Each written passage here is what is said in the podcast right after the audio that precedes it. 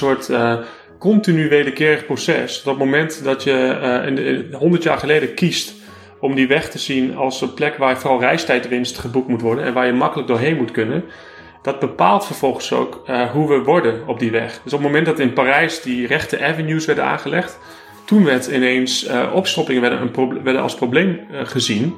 terwijl daarvoor stond je gewoon wel eens stil. En op het moment dat je dat dus op die manier gaat inrichten, worden wij ook een soort van homo economicus. En sta je ook voor dat verkeerslicht te briesen, dat je geen, geen groen licht krijgt. En dat bepaalt vervolgens weer welke woorden je gebruikt om dat probleem met elkaar te bespreken. Uh, en ik denk dat dat heel nodig is rondom het debat rondom mobiliteit. Om te laten zien dat we daar allerlei keuzes impliciet in maken en dat we daar veel explicieter eigenlijk mee om zouden moeten gaan.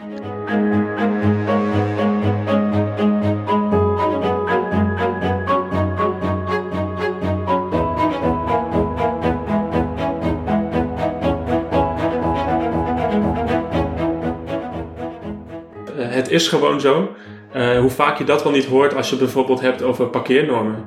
Uh, ik woon hier naast een intercity station in Ede. Uh, eh, 1,7 parkeernorm per woning in de openbare ruimte. Dat betekent 4,5 voetbalveld van onze mooie wijk is, is, is verhard voor, voor de, de geparkeerde blik wat s'avonds terugkomt en overdag er niet staat. Mensen zien wel dat er te weinig ruimte is voor kinderen om te spelen. Daar is iedereen het hier over eens. Uh, maar als je dan zegt, ja, maar die ruimte is nu 4,5 voetbalveld, is nu voor geparkeerde auto's. Ja, dat is nu helemaal zo.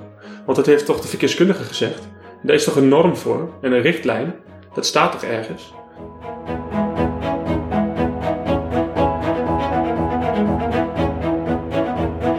En dan zie je dus hoe bevrijdend het kan zijn dat je mensen uitlegt dat, uh, dat die normen, dat zijn gewoon geschreven stukken en die zijn ook door iemand bedacht. En dat betekent dat je daar ook, uh, het staat letterlijk ook altijd bij, dat je er beargumenteerd van af mag wijken. Maar je moet mensen dan wel uh, de argumenten geven. En binnen het frame van efficiëntie en een optimaal systeem en infarcten uh, is, er, is er een heel sterk uh, discours ontstaan waarbij de gewone burger het gevoel heeft dat hij daar niks over hoort te vinden of kan vinden überhaupt.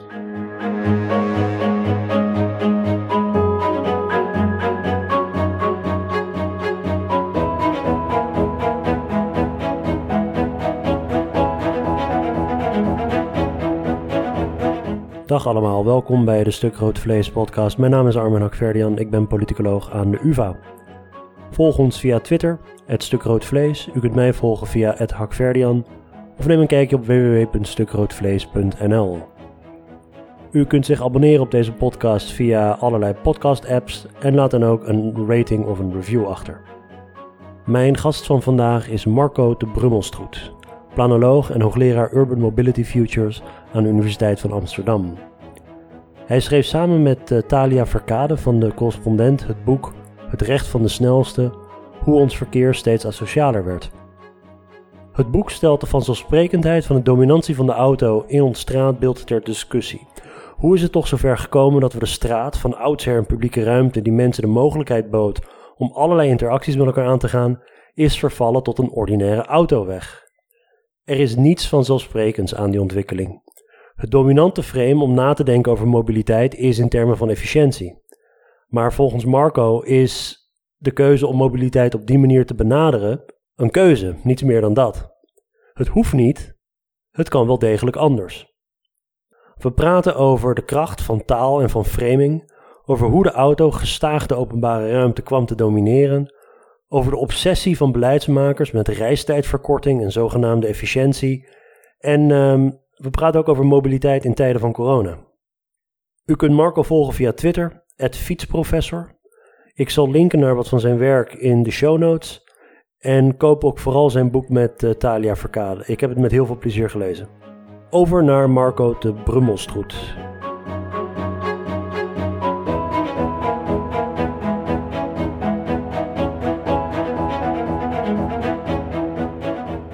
Dag Marco, welkom eh, bij de podcast. Ja, dankjewel voor de uitnodiging. Hartstikke fijn dat we even kunnen praten over, uh, over dat boek dat je met Talia samen hebt geschreven, maar ook voornamelijk ook over jouw eigen onderzoeksagenda. Zeg maar jouw vakgebied, hè? Uh, jij, of het onderwerp dat jij bestudeert is mobiliteit. Maar dat lijkt me een onderwerp dat je vanuit heel veel verschillende disciplines kan aanvliegen. Kun je dat een beetje schematisch weergeven? Wat zijn nou precies de academische disciplines die zich allemaal met mobiliteit bezighouden? Uh, ik, ben, ik ben planoloog en op de UvA is, uh, of in Nederland eigenlijk, is planologie uh, is vooral een sociale wetenschap. In de rest van de wereld is dat al heel bijzonder, want het is vaak een ontwerpwetenschap of een technische wetenschap. Uh, dus wij zijn sociaal wetenschappers. En eigenlijk deze vraag die kreeg ik op een gegeven moment van mijn professor, professor Willem Salet, inmiddels emeritus. toen ik zei van ik ga me op mobiliteit richten en binnen mobiliteit ga ik, maak ik nog een, ga ik me op de fiets richten. En toen zei hij, uh, waarom zou je dat in hemelsnaam doen? Want dat is zo'n niche onderwerp binnen waar wij mee bezig zijn. Dat, uh, dat is eigenlijk helemaal niet interessant. En waar ik toen al vrij snel achter kwam, en dat, dat was ook een beetje mijn, mijn gevoel, is dat inderdaad de mobiliteit en de fiets een soort boundary object is. Een, een object waar je uh, heel makkelijk met uh, wiskundigen over kan praten. Uh, zeker in Nederland, die snel, snel begrijpen hoe dat werkt. Over bifurcatiepunten en, en allerlei formules om, om onderling gedrag te modelleren. Maar ook met sociologen, pedagogen. En met de technische verkeerskundigen, die eigenlijk een soort van ja, claim hebben dat dat hun onderwerp is. Dat mobiliteit is over het algemeen, wordt het gezien, ook in het publieke debat, als een, als een technisch vraagstuk waar um, mannen vooral, die verkeerskunde hebben gestudeerd aan, uh, aan een HBO-instelling in Nederland, uh, die, uh, die beheersen dat, dat topic. En je ziet ook in de sociale wetenschappen, sociologie vooral, dat mobiliteit wordt daar ook mobilities genoemd. Dus je hebt mobility en mobilities. En mobilities zegt eigenlijk dat al. Hè. Dus uh, mobiliteit is niet uh, eenduidig iets. Het is iets wat heel uh, subjectief gedreven is. Dat voor, heel, dat voor mensen op allerlei verschillende manieren vorm en betekenis en identiteit kan krijgen. dus ja, het is, mobiliteit is voor mij dus letterlijk een, een grensobject, een boundary object, die het mogelijk maakt om, om een lens te gebruiken voor allerlei andere vraagstukken. En dan heb je, je hebt een, een academisch stuk geschreven dat als een soort um, fundament dient voor het publieksboek. In dat academische stuk heb je het op een gegeven moment over dus de, de technische invulling van mobiliteit. De verkeerskundige, de stedenbouwkundige, wiskundigen die praten over allerlei begrippen, over, over, over botsingen en over flows en, en dat allerlei modelleren. Aan de andere kant heb je ook de economen, die het voornamelijk dit probleem benaderen als um, nou ja, hoe kun je bijvoorbeeld iets optimaliseren. En dan heb je dus nog de planologen. Dus een beetje die drie, die drie verschillende vakgebieden die allemaal dat, dat onderwerp vanuit die disciplines aanvliegen. Ja, nou, het, het begint eigenlijk met interessante uh, uh, constatering uh, dat jij noemde net het fundament, hè, dat stuk. wij noemen het het stijgenwerk en daar begint het eigenlijk al mee. Okay. door, door, door, dat, door verschillend woord te kiezen, door het een fundament te noemen of het, het stijgenwerk, uh, ontstaat er nu ook al een beeld. Hè? De luisteraar heeft nu al een beeld, zo'n beetje van wat, uh, wat, wat dat dan is. Um, dus dat, dat, vind ik ontzettend interessant aan, aan de benadering van, van eigenlijk van alles, maar in dit geval van mobiliteit, is dat de woorden die we kiezen om het te beschrijven, die, die bepalen vervolgens wat we wel en niet zien. Dat is, een woord is altijd een versimpeling van, van de complexe werkelijkheid.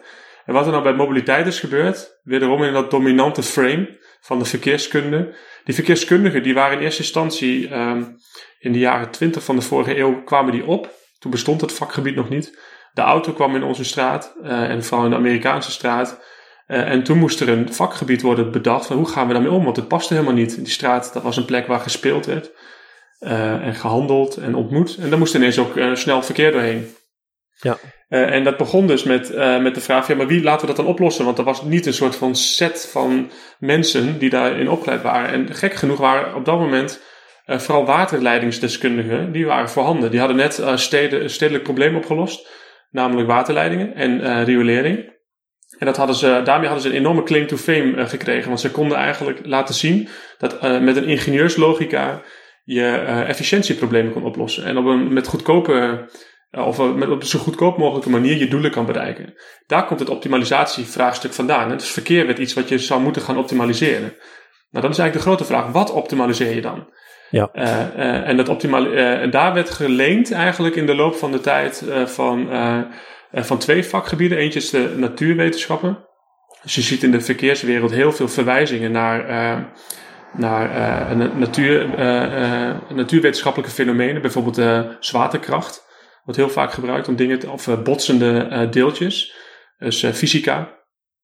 En economie. En dat ontstond eigenlijk in de, jaar, in de jaren 60, 70, toen de economie, zeg maar, micro- en macro-economie heel dominant werden werd de homo economicus werd echt beschouwd als van oké, maar dat kunnen we heel goed gebruiken om voorspellingen te gaan doen over hoe mensen zich door dat systeem bewegen. En dat systeem is dus een pijpleidingennetwerk vanuit het, vanuit het waterdenken. Uh, en dan kunnen we gebruiken om te voorkomen dat het vastloopt. Want dat wil je niet. Uh, dat als je dat, als je als ingenieur een pijpleidingssysteem hebt, wil je voorkomen dat het ergens vastloopt. en de modellen van de economie, die, die, die hielpen daar heel erg bij. En een derde eigenlijk, dus, zijdelings bij betrokken, en dat is, dat is nu ook heel erg dominant in ons denken, is, er zijn heel veel woorden geleend van de biologie. Dus er wordt heel veel verwezen naar het lichaam, de stad als lichaam. En, en dus um, het, het wegennet als een soort van aderensysteem. dus ja, de telegraafkoppen dat er een verkeersinfarct op ons afkomt. Je hebt dingen als bypasses en zo. En bypasses inderdaad ook een hele mooie. Of het hart van de stad. Uh, dus er, er wordt, uh, um, en, en het lijkt in eerste instantie heel triviaal, en, dus, uh, de, de, en, we, en, we, lachen er snel over, maar dat bepaalt dus heel erg sterk hoe we naar dat systeem kijken. En op het moment dat je dat gaat veranderen, dat is eigenlijk waar ook ons boek over gaat. dus niet dat dat slecht is of, of goed, maar op het moment dat je dat gaat veranderen, en dat kunnen we dus doen, we kunnen met taal gaan spelen, dan zie je ook ineens hele andere dingen. Ja, dus even concreet over bijvoorbeeld als jij het um, wegennetwerk als ziet als een aderenstelsel en files als bijvoorbeeld een infarct, dan, dan geef je eigenlijk een, al door dat te zeggen, een enorm gewicht aan het probleem bijvoorbeeld. Is, is dat een manier waarop dit, waarop dit dan speelt? Want um, ja, ja, ja en nee. Je kan actief spelen met taal. Hè. Dat zal in de politiek zeker gebeuren. En ook in de lobbygroepen. Nederland uh, transportland. Of Utrecht als draaischijf. Uh, wordt hmm. vaak gebruikt om, om, uh, om geld los te weken. Je kan het gebruiken in marketing. Hè? Dus als je gaat kijken naar autoreclames, dan zie je eigenlijk ook diezelfde logica. Als ehm, vrijheid, als succes enzovoort. Um, maar het gaat veel subtieler. Het is eigenlijk het is een soort van, wat ook in het, in het stijgerwerk probeer uit te werken. Het is een soort continu wederkerig proces. Dat moment dat je de, 100 jaar geleden kiest om die weg te zien als een plek waar vooral reistijdwinst geboekt moet worden en waar je makkelijk doorheen moet kunnen. Uh, dat laat bijvoorbeeld Richard Sennett heel goed zien. Dat bepaalt vervolgens ook uh, hoe we worden op die weg. Dus op het moment dat in Parijs die rechte avenues werden aangelegd, toen werd ineens uh, opstoppingen werden, een werden als probleem gezien. terwijl daarvoor stond je gewoon wel eens stil. en op het moment dat je dat dus op die manier gaat inrichten, worden wij ook een soort van homo economicus. En sta je ook voor dat verkeerslicht te briesen, dat je geen, geen groen licht krijgt. En dat bepaalt vervolgens weer welke woorden uh, je gebruikt om dat probleem met elkaar te bespreken. Dus we, hebben de één vraag die wij nu oproepen, is bijvoorbeeld: is het zo dat, het, het um, dat files zo belangrijk maatschappelijk probleem vormen, dat we daar ieder half uur op alle radiostations aandacht aan moeten besteden, zelfs op tweede kerstdag? Uh, of is het zo dat, omdat we er elk half uur aandacht aan besteden op elk radiostation, we denken dat het een heel groot probleem is. Uh, en allebei is natuurlijk deels waar.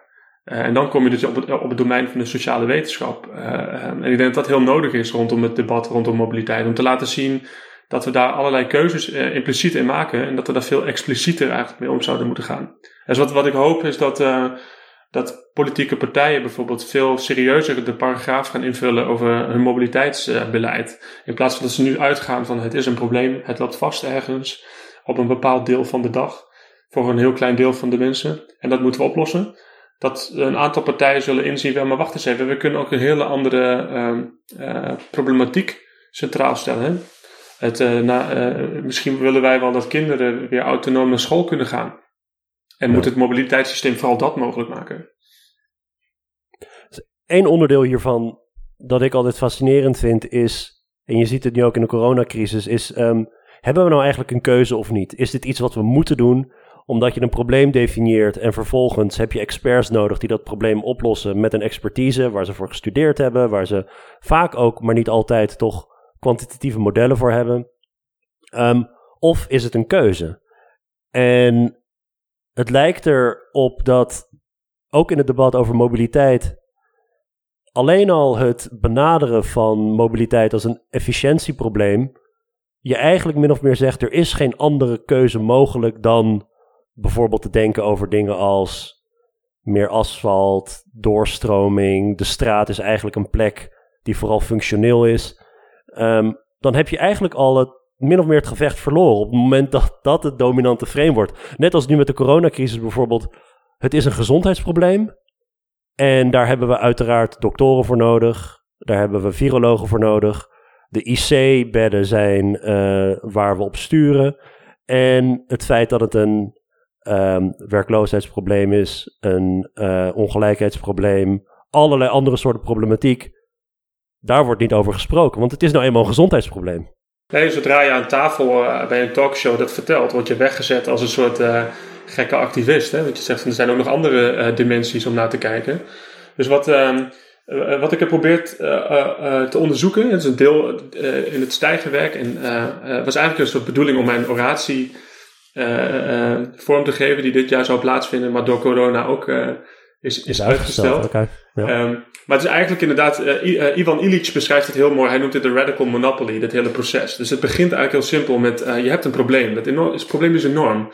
En daardoor ontstaat een soort um, cognitive fluency. Er ontstaat een vloeibaarheid in hoe we over dingen denken, omdat er een heel groot probleem is. En corona is daar een goed voorbeeld van.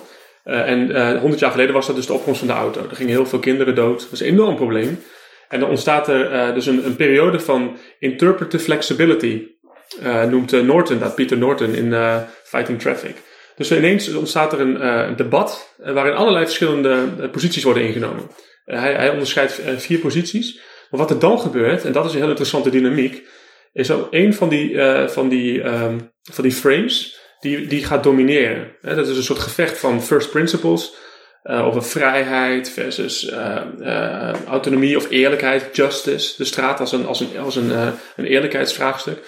en op een gegeven moment, door allerlei toevalligheden, wint eigenlijk dat efficiëntieframe. En wat er dan gebeurt, en dat vind ik fascinerend, is wat, wat hij stolling noemt. Dus er ontstaat een, een proces van die vloeibaarheid, cognitieve vloeibaarheid, interpretive flexibility, die, uh, er ontstaat een moment van closure. En dan stolt het in, heel snel in experts, uh, die dan uh, domineren en aan alle tafels zitten. Dat stolt dan vervolgens in richtlijnen, in normen en zelfs in wetten. Dat stolt vervolgens in instituties. CROW is, is er een op het mobiliteitsgebied. Dat is eigenlijk het, het RIVM van de mobiliteit, zou je kunnen zeggen. Maar ook ministeries, wethouder, verkeer. en dat stolt vervolgens letterlijk in beton en, en asfalt. En dat stolt vervolgens, wat Illich noemt in de radical monopoly, dat stolt in de hoofden van mensen, uh, zodat ze niet meer zien dat, uh, dat ze eigenlijk in, in, uh, in een beperkte werkelijkheid leven. dus voor heel veel mensen is het een soort van, hopen wij de ogen te openen, te laten zien van ja, maar die hele stolling is dus een, dat is gestart met een keuze. En die keuze, of we die impliciet of expliciet maken, die kunnen we dus ter discussie stellen. En sterker nog, die moeten we misschien wel zelfs ter discussie stellen. En dan mag je nog steeds kiezen voor hetzelfde systeem, maar dan doe je dat wel bewust. En dan doe je dat niet vanuit uh, een soort uh, autonoom stollingsproces. Hmm. Ja, het is de, de parallellen met. De parallellen, maar ook de verschillen met, met die coronacrisis nu zijn vanuit dit oogpunt wel echt heel boeiend. Want de corona, het is een virus dat mensen ziek maakt. En het is heel logisch dat je dan misschien begint met virologen, artsen. Maar dat, ja. En dat, dat, dat stolt vervolgens op allerlei manieren en daar wordt dan tegenaan geschopt. En ik denk dat immers dat dat, dat, dat ook een beetje tot meer openheid nu heeft geleid. Maar bij, bij dat verhaal over bijvoorbeeld de opkomst van de auto. Ja, jij zegt dus, er zijn verschillende frames die toen botsten. Eén één bijvoorbeeld was van ja, de enorme vrijheid, voor sommigen althans, die een auto met zich meebracht. En mm goed, die, die, kwam, die kwam later. In eerste instantie was het een... Uh, uh, een, ehm, eh, een, een eh, order en chaos eh, probleem. Dus de politie moest dat gaan oplossen. Die waren heel conservatief. en eigenlijk al die, alle frames die ontstonden in die tijd, die leidden tot een soort van acceptatie dat die auto er nooit zou kunnen zijn. Dat was gewoon uh, in al die verschillende frames was het vrij duidelijk in, in 1920 dat uh, uh, de toekomst er niet was, de straat was er niet voor de auto. Dus er moest een frame worden bedacht die, eh, tenminste voor de, voor de auto-industrie en, uh, en uh, sommige politici, die, die, die, die, die, die, stapten ook in dat discours, waarbij nieuwe straten moesten worden gebouwd. En um, als daarin werd op een gegeven moment, en dat is, dat is heel erg Amerikaans denk ik, werd op een gegeven moment heel slim de link gelegd met vrijheid. Want dat is een grondrecht. Vrijheid in Amerika is een van de basic principles of society.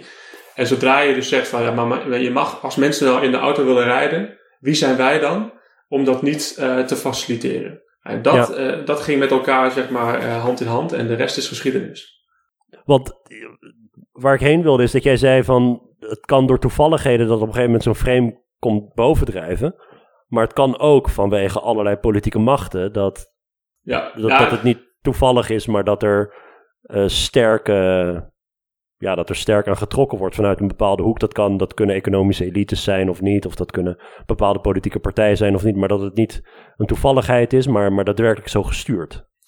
Ja, ja, dat, is dus, uh, ja, dat vind, ik, vind ik zelf altijd, uh, of dat zo is of niet, dat is, dat is inderdaad, denk ik vooral interpretatie. want hoe kun je dat nu nog goed onderzoeken van de jaren twintig? dat moet je ook weer, dan, dan leg je er eigenlijk ook alweer een frame bovenop. Maar dit is een mogelijke verklaring. Maar wat ik, wat ik zelf interessanter vind hierin was bijvoorbeeld een hele sterke justice uh, frame. Uh, en die is nu nog steeds, hè, rechtvaardigheidsbeginsel is nu nog steeds iets wat, wat heel snel dingen doet kantelen.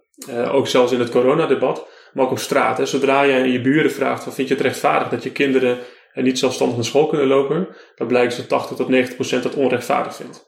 Maar wat er gebeurd is, en dat is ook in Nederland schrijnend vind ik, is dat, dat frame was namelijk in het begin ook heel sterk, maar dat is heel snel gekanteld. En dat kwam eigenlijk ook door een toevalligheid.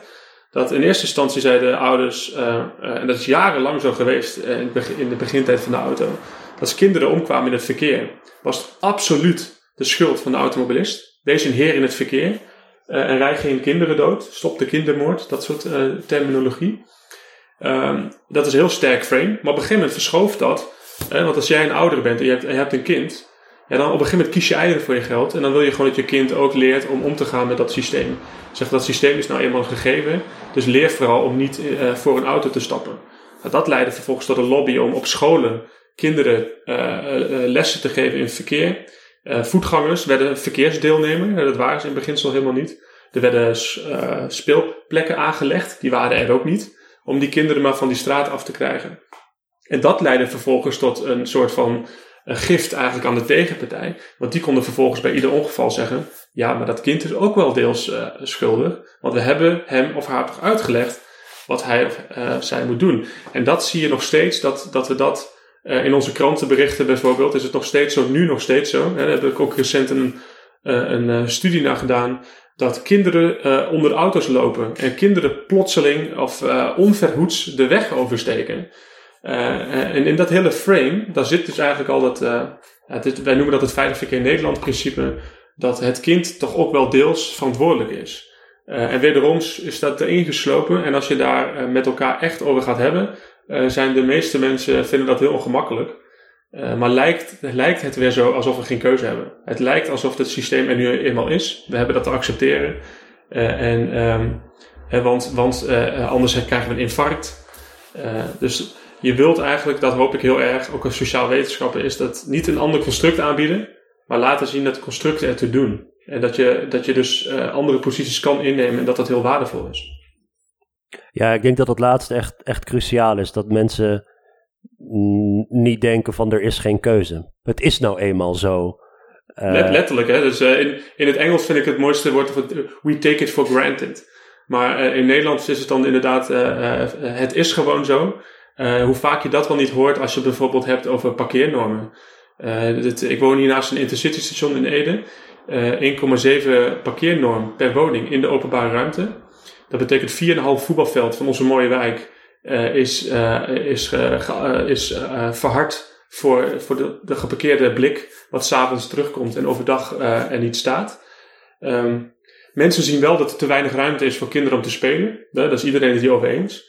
Uh, maar als je dan zegt, ja, maar die ruimte is nu 4,5 voetbalveld, is nu voor geparkeerde auto's. Ja, dat is nu helemaal zo. Want dat heeft toch de verkeerskundige gezegd. En daar is toch een norm voor en een richtlijn. Dat staat toch ergens? En dat denkt de wethouder ook. Kinderen krijgen dan waarschijnlijk een of ander veldje in de buurt waar ze dan een auto weg voor moeten oversteken om er te komen of weet ik veel. Ja, ja, ja dat, wordt letterlijk, dat wordt letterlijk dus gezegd. En dat is met de beste bedoelingen. Dan zeggen mensen, ja, maar inderdaad, kinderen die willen voetballen, die kunnen toch wel een stukje lopen. Dan zeg je, maar, maar kun jij dan niet ook een stukje lopen naar je auto? En dan word je dus weggezet als een radicaal activist. Want nee, zo is het nou eenmaal. Ik heb dit huis gekocht. En ik mag mijn, uh, mijn privébezit in de publieke ruimte neerzetten. Als ik dat met een kliko zou doen bijvoorbeeld, dan krijg je de grootste problemen. Uh, maar als je dat met een auto doet, dan, dan is dat dus gewoon zo. en het mooiste voorbeeld daarvan is uh, een nieuwe school midden in die wijk. wordt, wordt ontworpen. En daar zit eigenlijk vanaf het begin, zitten er alle belanghebbenden aan tafel. Dat is pas planoloog heel interessant. En één expert. Dus de, in het hele traject, ik zit daar nu dus al twee jaar in, probeer dat te veranderen. Uh, wordt er vanaf begin af aan vanuit de normen en richtlijnen van één expertise gerekend. En dat is de verkeerskundige. Dus dat betekent dat die openbare ruimte, daar wordt aan gerekend met richtlijnen. Er komen x aantal ouders met auto's. Dat is nou eenmaal zo. Dus dat moeten we, dat moeten we zo veilig mogelijk oplossen. Daar is ook iedereen het mee eens. En dan komt er dus een kiss and ride. Dat betekent dat er een soort van McDrive situatie ontstaat. Uh, zodat je je kind eigenlijk uh, af kan zetten. Die school zelf. Krijg je er ook een hamburger voor terug als je je kind eraf zet? ja, ik denk wel dat je de, de vetrolletjes voor terugkrijgt op termijn. Uh, maar die school zelf die heeft dus beleid dat ouders mee naar binnen moeten in de klas. het is een christelijke school. Ze vinden de, de, de waarde van, van de familie staat, staat heel centraal. En dan zeg je tegen die directeur, ja, maar waarom vind je daar niet iets van? Want de Kiss Ride past er toch helemaal niet in? En dan zegt hij letterlijk, ja, ik wist helemaal niet dat ik er wat van kon vinden. Die expert zegt vanaf het begin, er komt 1100 vierkante meter aan Kiss Ride en er komt een schoolplek van 700 meter en daar heb je het mee te doen. Uh, en pas hè, dat is een project, proces nu van twee jaar, dat we laten zien via Machtenzeven, we kunnen het frame veranderen. We kunnen zeggen dat het een schoolomgeving, die moet toch in eerste plaats zijn voor het schoolgaande kind. En dan moeten we die auto, auto's gewoon weren. En dan kun je ook zorgen dat, dat ouders niet met de auto komen uh, als je het niet aanbiedt. En dan zie je dus hoe bevrijdend het kan zijn dat je mensen uitlegt dat, uh, dat die normen, dat zijn gewoon geschreven stukken en die zijn ook door iemand bedacht. En dat betekent dat je daar ook, uh, staat er letterlijk ook altijd bij, dat je er beargumenteerd van af mag wijken. Maar je moet mensen dan wel uh, de argumenten geven. En binnen het frame van efficiëntie op, en optimaal systeem en infarcten, um, is, er, is er een heel sterk uh, discours ontstaan waarbij de gewone burger het gevoel heeft dat hij daar niks over hoort te vinden of kan vinden überhaupt. Ja, ik heb een jaar in Amerika gewoond, uh, een paar jaar geleden in, uh, in San Diego. En mijn zoontje destijds was vijf en die ging naar zo'n openbare school in de buurt, gewoon echt een, buurtschool. Um, en um, die hadden zo'n hele, ook zo'n kiss and ride ingericht waarbij je dus met dat verkeer wordt helemaal zo geleid dat je. Uh, je, kan ook lopen naar school natuurlijk. Daar is, dat, dat, deden, dat deden ook wel mensen in de buurt. Maar er was een, er was een heel systeem van um, met de auto daarheen. En dan, en dan stop je daar. Je mocht alleen maar van één kant de deur open doen naar de stoep toe waar de kinderen uitstapten. Het was heel belangrijk dat kinderen oud genoeg waren om zelf dat te kunnen doen. Dus, dus de lagere klassen mochten dat niet doen. En dan dropte je je kind af en via een soort rotondetje op het schoolplein reed weer terug en ging je weer weg. Uh, alles, dat, dat was zo ingericht op de auto. Um, ik denk dat dat heel veel kwam omdat mensen dan direct naar werk gingen. Dat ze uh, hun kinderen met de auto naar school brachten, zodat ze direct door konden naar werk. Uh, want ze kwamen niet van ver weg. Het is niet dat ze, dat ze ver weg woonden van de school. Het is eerder dat ze kinderen droppen en naar werk rijden. Dat dat dan één gezamenlijke handeling werd. Um, maar ik heb dat in Nederland heb ik dat eigenlijk op die manier nog niet echt, nou ja, het was, echt gezien. maar je... ik, ik, denk dat dit wat, wat, wat een heel mooi uh, voorbeeld is van hoe, je, uh, hoe mensen leren dat frame ze te doen, is door in het buitenland te gaan wonen. Want in Nederland hebben we het redelijk goed voor elkaar ook. Hè? Dus wij hebben in het verkeerskundige frame, door heel veel druk te zetten in de jaren 70 vooral, op, op verkeersveiligheid, hebben we het zo kunnen draaien dat er een veilige, goede plek is voor fietsers en voetgangers relatief. Maar pas als je naar, naar een andere plek gaat, dan zie je, hey, wacht eens even, het kan dus ook heel anders. In Nederland, en uh, ik heb dat wel eens gefilmd destijds, uh, tegenover de Universiteit van Amsterdam, op het Routeseiland, uh, aan de overkant van de Routestraat zit een school. En ja. zes, zeven jaar geleden was daar ook echt zo'n situatie. Er stonden klaarovers bij het uh, Zevenpad. Want het was daar een komen en gaan van auto's. Midden in de stad Amsterdam. En dat is toen, uh, vanuit de school is daar, uh, is daar wat aan gedaan. En inmiddels is het zo dat als je daar met de auto komt, dan ben je een gekke outlier. Maar dan zie je dus ook hoe snel dat kan omslaan. En dat dat zeker wel is. Ik, ik nodig je uit hier in Ede, maar het is hier ochtends echt een, behoorlijke autochaos. En dan is het heel logisch dat de verkeerskundige zegt, dat moeten we niet willen met z'n allen. Daar moeten we dus een mooie kiss ride voor aanleggen. Ja. Even terug naar, de, ehm, naar dat frame van de efficiëntie. Hè? Want dat is toch, denk ik, het dominante frame. Eerlijk gezegd ook hoe ik ehm, de mobiliteit voor een heel groot deel ja, benaderde. Uh, en ik moet eerlijk zeggen dat ik de stukken die jij hebt geschreven en Talia ook, dat dat wel echt, echt een soort van eye-opener is geweest voor mij. Ik, ik zit, wat dat betreft ben ik ook maar menselijk. Ik zit gewoon compleet gesocialiseerd in dat maatschappelijke frame van um, van bijvoorbeeld reistijd. Hè? Dat, dat, dat is zo'n concept dat dan zo, zo centraal staat in dat, in dat efficiëntieframe, is eigenlijk het, het verkorten van die reistijd. Dat is een soort doel op zich geworden. Je zou bijna kunnen zeggen een soort van obsessie. Ja. En uh, een van mijn favoriete passages uit het, um, uit het boek wil ik even voorlezen. Dat gaat dan over Talia die een um, uh, oud topambtenaar van, bij Verkeer en Waterstaat destijds um, ontmoet om, om uh, te interviewen. En um, een man die heet Arie Blijnberg. En um, lees ik even nu een passage voor. En dan begint Blijnberg over de ontdekking van Gert Hupkes, een vervoerseconoom die in de jaren 70 onderzoek deed naar hoe vaak en hoe ver en met welke snelheid mensen zich dagelijks wereldwijd verplaatsen. Of mensen nu in Peru woonden, of in Singapore, in Duitsland of in de Verenigde Staten, in Nederland of in de Sovjet-Unie, en of ze nou de beschikking over een auto hadden, of over een fiets of alleen over de benenwagen, het gros van de mensen bleek altijd 70 à 80 minuten per dag onderweg te zijn. Als je alle tripjes naar vrienden en familie, naar het werk en naar de winkel bij elkaar optelde. Hupkes noemde dit de Breverwet, de wet behoudt reistijd en verplaatsingen, ook wel de reistijdconstante. En dan uh, even later, er is geen reistijdwinst om te behalen, is de conclusie van Blijenberg. Er is alleen afstandwinst te behalen. De geschiedenis van mobiliteit kun je daarom zien als een continue daling van de verplaatsingsweerstand. Oeh.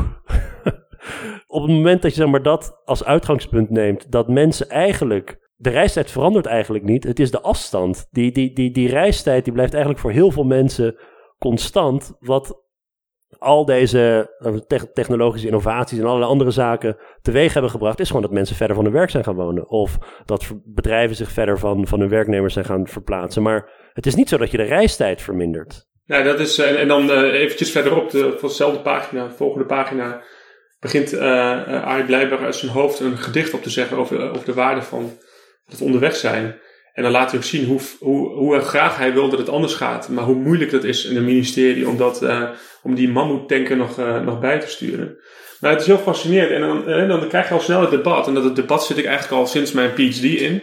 Over hoe zit, dat, hoe zit dit dan in verkeersmodellen? Die modellen die we gebruiken om, om eigenlijk 8 miljard per jaar te verspijkeren aan onze infrastructuur. En dan kom je dus weer bij, in die verkeersmodellen zitten geen gedragsverklaringen. Daar zitten uh, een soort benaderingsalgoritmen. En één algoritme daarin is het zwaartekrachtmodel. Dat gaat ervan uit, en dat, dat klopt redelijk met empirische data, dat uh, steden of wijken hebben interactie met elkaar alsof er twee planeten zijn. En hoe dichter ze bij elkaar liggen, hoe meer interactie er is. Um, en uh, hoe groter ze zijn, hoe meer interactie er is. Dus uh, dat is het zwaartekrachtmodel.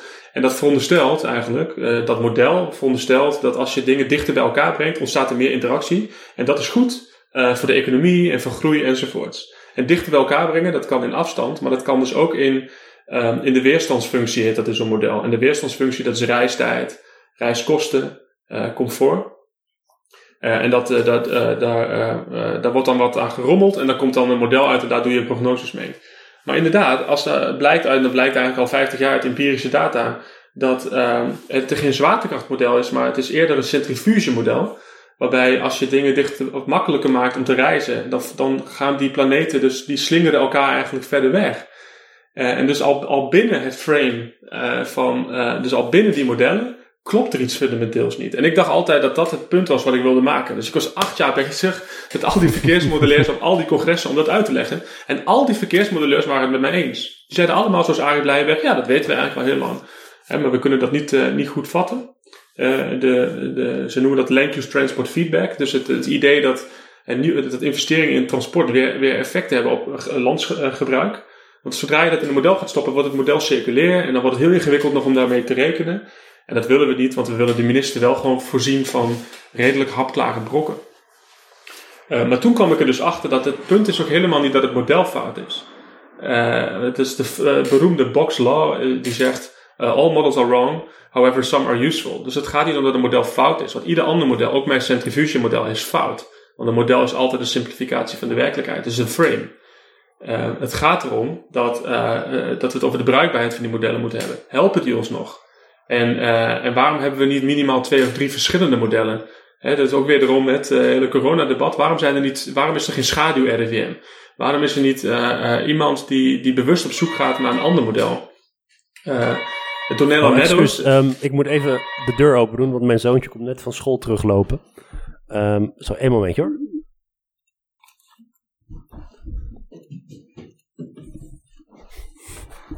Sorry, daar ben ik weer. Het is zo'n heel ding. De, hij, is, uh, hij, loopt sinds een week of twee loopt hij alleen naar huis. Het is bijna negen. Die school die is uh, eh, 300 meter van ons vandaan. Um, maar er is één kruispunt dat ik zo ontzettend link vind. En wederom te maken eigenlijk met wat jij zei. Um, dat er pal naast die school een kruispunt ligt met, met bussen, auto's, fietsers en voetgangers. Uh, waarvan je toch denkt, is dat de handigste manier om de openbare ruimte in te richten? maar 20 meter van een school. Maar, uh, maar anyway, uh, sorry. Het, je, was aan het vertellen over de, de, de RIVM, Schadu dat er geen schaduw-RIVM is. Ja, want waar ik achter kwam was dat mijn een soort Don Quixote moment, weet je wel? Dat je denkt van al die verkeersmodelleurs zijn het met me eens, dat de modellen niet kloppen. En toen las ik Donella Meadows, Thinking in Systems. Dat is echt een enorme aanrader. Is ook gratis beschikbaar op Google. Um, waarin zij beschrijft hoe als je een systeem wil veranderen, dan zijn er eigenlijk allerlei levers, noemt ze dat, allerlei plekken in het systeem waar je dan aan kan draaien. En we zijn heel erg gewend om de, zeg maar, de oppervlakkige knoppen te draaien. Bijvoorbeeld extra wegen aanleggen is eigenlijk een hele oppervlakkige knop om systeemverandering teweeg te brengen. En hoe de, de, des te dieper je gaat in haar verhaal, ze heeft uiteindelijk 12, dat is ook een heel mooi hoofdstuk waarin ze dat omdraait. Je begint bij 12 en je eindigt bij 0. En ik merkte daar dat ik zat niet op 0. Ik, zat, ik probeerde het systeem te veranderen op level 1 of 2. En dat was eigenlijk aantonen dat het paradigma niet klopt jullie model klopt niet. Het is een, het is een centrifuge en geen, uh, en geen uh, zwaartekrachtmodel. En wat zij zegt is als je echt een verandering wil, en dat is haar les ook uit de jaren 70, waarbij zij in de Club van Rome zat, en Limits to Growth, en zij eigenlijk nu zegt van ik heb een enorme fout gemaakt door, door level 1 te doen eigenlijk. Door te zeggen dat het, dat het fout, dat ons groeimodel is fout. De echte verandering zit in transcending paradigms. Dus mensen laten zien dat uh, niet dat je paradigma fout is, maar dat er ook andere paradigma's zijn. Uh, en uh, dat, is, dat gaat heel erg in tegen onze natuur, want we, we, springen hè, als media's. Als, het is ook zo fijn dat er iemand is als RIVM, want die vertelt ons gewoon: ja, dit is een curve, dit is de R, dit moeten we doen. en dan, dat geeft een soort rust. Terwijl Transcending Paradigms is, denk ik, dat, dat schrijft Talia ook in het boek. Ben ik er nou gelukkiger van geworden door Marco te volgen? nou, in eerste instantie maakt het je dus ongelukkiger, omdat je denkt: van ja, maar waar is mijn houvast? Um, maar uh, op termijn maakt het je rijker. Dus het is, uh, het is een soort wrijving in je hoofd. Ja, maar dus het leren om om het object heen te lopen, is denk ik een hele belangrijke uh, levensskill. En eigenlijk leidt dat ook, leidde mij dat toe, om na te denken van wat doe ik eigenlijk als docent op de UvA?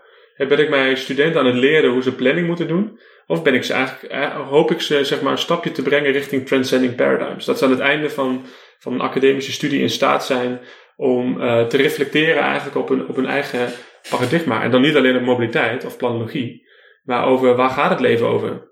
Wat is belangrijk? Uh, ik denk dat je, als je kan voorkomen dat je zeg maar, zelf stolt in een bepaalde richting, dat je dan een heel stap sterker en krachtiger bent als je dingen wil veranderen. Nu leven we in een periode met een, met een ongekende crisis die op allerlei manieren ontregelend werkt, maar zeker toch ook op het gebied van mobiliteit. Ja. Eh, wat ik interessant vond, ik, ik las een, een, een interview met jou in, in de folie uit het Universiteitsblad van de UvA, waarin je dus ook vertelt over die reistijd. Uh, en dat mensen reistijd eigenlijk waardevol vinden. Dat je niet per se altijd sneller ergens hoeft te zijn, maar dat mensen ook tijd nemen om ergens te komen. En dat in die periode van het onderweg zijn ze ook hele uh, ja, toch hele diffuse, maar toch waardevolle dingen kunnen doen. Van het luisteren naar een podcast, als deze bijvoorbeeld. Tot gewoon, tot, tot, gewoon overpijnst om je heen kijken, tot rust komen, nou noem maar op. Uh, en dat mensen dat enorm missen door het thuiswerken. Ja, ja, dat blijkt. We hebben een survey gedaan. Uh, als, eerst dachten we nog dat we origineel waren, maar inmiddels zijn er denk ik iets van 50 surveys gedaan naar mobiliteitsgedrag. Ik zag vandaag er eentje van ABN AMRO voorbij komen. En we hebben vooral, wat wij dan weer hebben gedaan, is vooral gekeken wat is de betekenis van mensen van uh, thuiswerken en, en niet meer naar kantoor gaan. En dan blijkt eigenlijk dat voor heel veel mensen er geen efficiëntieverlies is. Sterker nog, heel veel mensen zeggen, het is eigenlijk wel fijn. Ik heb ontdekt dat ik veel meer kan doen als ik thuis maar een goede plek heb. Um, maar ik mis het onderweg zijn. En dat vooral als ze niet in de auto onderweg zijn. die auto die heeft uh, dat systeem wat uh, eigenlijk een, een is uit het efficiëntiedenken. Maakt ook dat onderweg zijn eigenlijk helemaal niet leuker is. Dus dat heeft zichzelf versterkt. Hè. Je zit daar ook in een systeem wat helemaal heel oninteressant is. Een snelweg is eigenlijk een soort, als je gaat kijken naar de dimensionering daarvan, is een soort kleuteromgeving. Er zijn heel weinig prikkels. Um, de borden zijn gigantisch. Er zijn felle kleuren. Uh, en het, het, is dus heel, het, je wordt eigenlijk uh, als een soort kleuter behandeld. Terwijl als je door de stad het heel gevaarlijk is wat je doet. Je rijdt gewoon ja, met, ja, met een buiten natuur, boven natuurlijke snelheid. ja, dan moet, je, dan moet je het inderdaad reduceren tot, tot een kleuteromgeving. Maar dat, dat missen mensen dus niet. Maar bijvoorbeeld het fietsen door een drukke stad, gek genoeg, uh, missen heel veel mensen dat wel. die, die prikkels die je dan ervaart, is een soort posttraumatische stress, dat je dat ineens niet meer hebt al die onderhandelingen die je moet doen uh, uh, onderweg, hè, hoe, hoe, vervelend je die soms ook vindt, op het moment dat ze gebeuren, uh, is het toch een belangrijk onderdeel van, van wie je bent als, als, als mens. Het zien van, van het had ik zelf heel erg. Ik miste heel erg het, het zien van vreemden. Dus dat, ik, ik reis zelf wel met de trein. En, ik ben dan nu twee keer naar Amsterdam geweest met de trein. En dan, dan merk ik dat ik heel erg de behoefte heb om met de schoonmaker te gaan praten. Want er is bijna niemand meer in de trein. Ik merkte heel erg dat ik het, uh, wat ik miste was gewoon het zien en het, en het, en het beleven van een soort samenleving om je heen. Uh, en dat is iets wat we dus niet benoemen op dit moment. In, uh, dat onze minister in haar afwegingen, Cora van Nieuwenhuizen, om 8 miljard te besteden, is dat geen afwegingsindicator. Dat zit gewoon niet in. Het, is, het gaat namelijk over zo snel mogelijk van A naar B gaan. En daar besteden we ons geld aan. En ik denk dat op het moment dat je zegt, ja, maar wat nou als we dat uh, uh, meer centraal stellen? In ieder geval voor de wethouder van Amsterdam, Sharon Dijksma. Of eigenlijk is dat al een fout. Uh, waarom zou Sharon Dijksma over moeten gaan als wethouder verkeer? Waarom, waarom zou de wethouder gezondheid niet veel meer moeten vinden van hoe we onderweg zijn? Um, of de wethouder, misschien hebben we een wethouder taal nodig of een wethouder pedagogiek. Um, dus ja, ik, dat, dat is opvallend. Dat, uh, dat je dat dus gaat missen. En het is een belangrijke uh, eigenschap. En het versterkt zichzelf. We zitten nu ook op een moment. En we zaten al op een moment van hoge vloeibaarheid, voor mijn gevoel. Die komt van onderop. Het systeem loopt vast. Uh, niet alleen op de weg, maar vooral met stikstof en al die dingen merken we dat deze manier niet eindig, dat die eindig is, deze manier van denken. Uh, nu zien we uh, uh, corona, maar ook van, van de andere kant. We zien dus allerlei innovaties op ons afkomen die heel erg snel onze utopie van het, van het frictieloos reizen gaan stollen. Denk maar aan de zelfrijdende auto of de Hyperloop. Um, dus nu is wel de tijd om daar samenleving is echt, het is eigenlijk een beetje vergelijkbaar met de opkomst van de auto 100 jaar geleden. Er komen nu allemaal dingen op ons af, van boven en van onder, waardoor we echt veel steviger in onze schoenen moeten gaan staan om die discussie en het debat met elkaar te gaan voeren. Want als we dat niet doen, uh, dan gaan we nu heel snel richting die toekomst, uh, waar, waar we uh, en, het, het frame, zeg maar, het, het voor van het frame. en dan is het, wordt het steeds moeilijker om daar aan te ontsnappen. Zelfs in Amsterdam heb je dus een programma om de, de, de straten mensvriendelijker te maken. En hoe heet dat programma? Het programma heet Autoluw. Dus het gaat weer over verkeer. Het gaat nog steeds niet over de mens en, en het kind. Zie je bepaalde ontwikkelingen in, uh, ofwel in Nederland ofwel in, in andere landen nu tijdens corona, die misschien blijvend kunnen zijn? Die, dat, uh, die bijvoorbeeld de, uh, de fiets of de voetganger of het openbaar vervoer meer naar voren schuiven ten opzichte van de auto. Um, want sommige mensen zeggen ook, ja, de auto is eigenlijk de plek waar ik veiliger kan bewegen dan het openbaar vervoer, omdat ik afgezonderd zit en dan weet ik in ieder geval dat er geen andere mensen met mogelijke besmetting in de buurt zitten. Je hebt, je hebt sommige mensen die ook zeggen, nou ja, het is een beetje de terugkeer van de auto juist. Hoe, hoe zie jij dat? Ja, dat was al zo. Hè? Dus, uh, heel veel mensen brengen hun kind met de auto naar school omdat het gevaarlijk is voor het kind uh, om te lopen naar school vanwege alle auto's. Dus dat die, die, cirkel, die cirkelredenering, die, dat, dat, maakt de auto ook zo gevaarlijk. Het is echt een, monopolist. Het is een, een, een zichzelf versterkt systeem wat heel snel leidt tot een gebrek aan keuze. Op het gebied van wat, wat we met de straat doen en, en met de stad. En wat je nu ziet is dat, nou, hoopvol en, en tegelijkertijd niet. wat je ziet is dat op heel veel plekken de straat in ieder geval vloeibaar lijkt te zijn. We kunnen het anders inrichten. In Nederland nog het moeilijkst, maar vanwege die vrijliggende wegen en fietspaden en zo.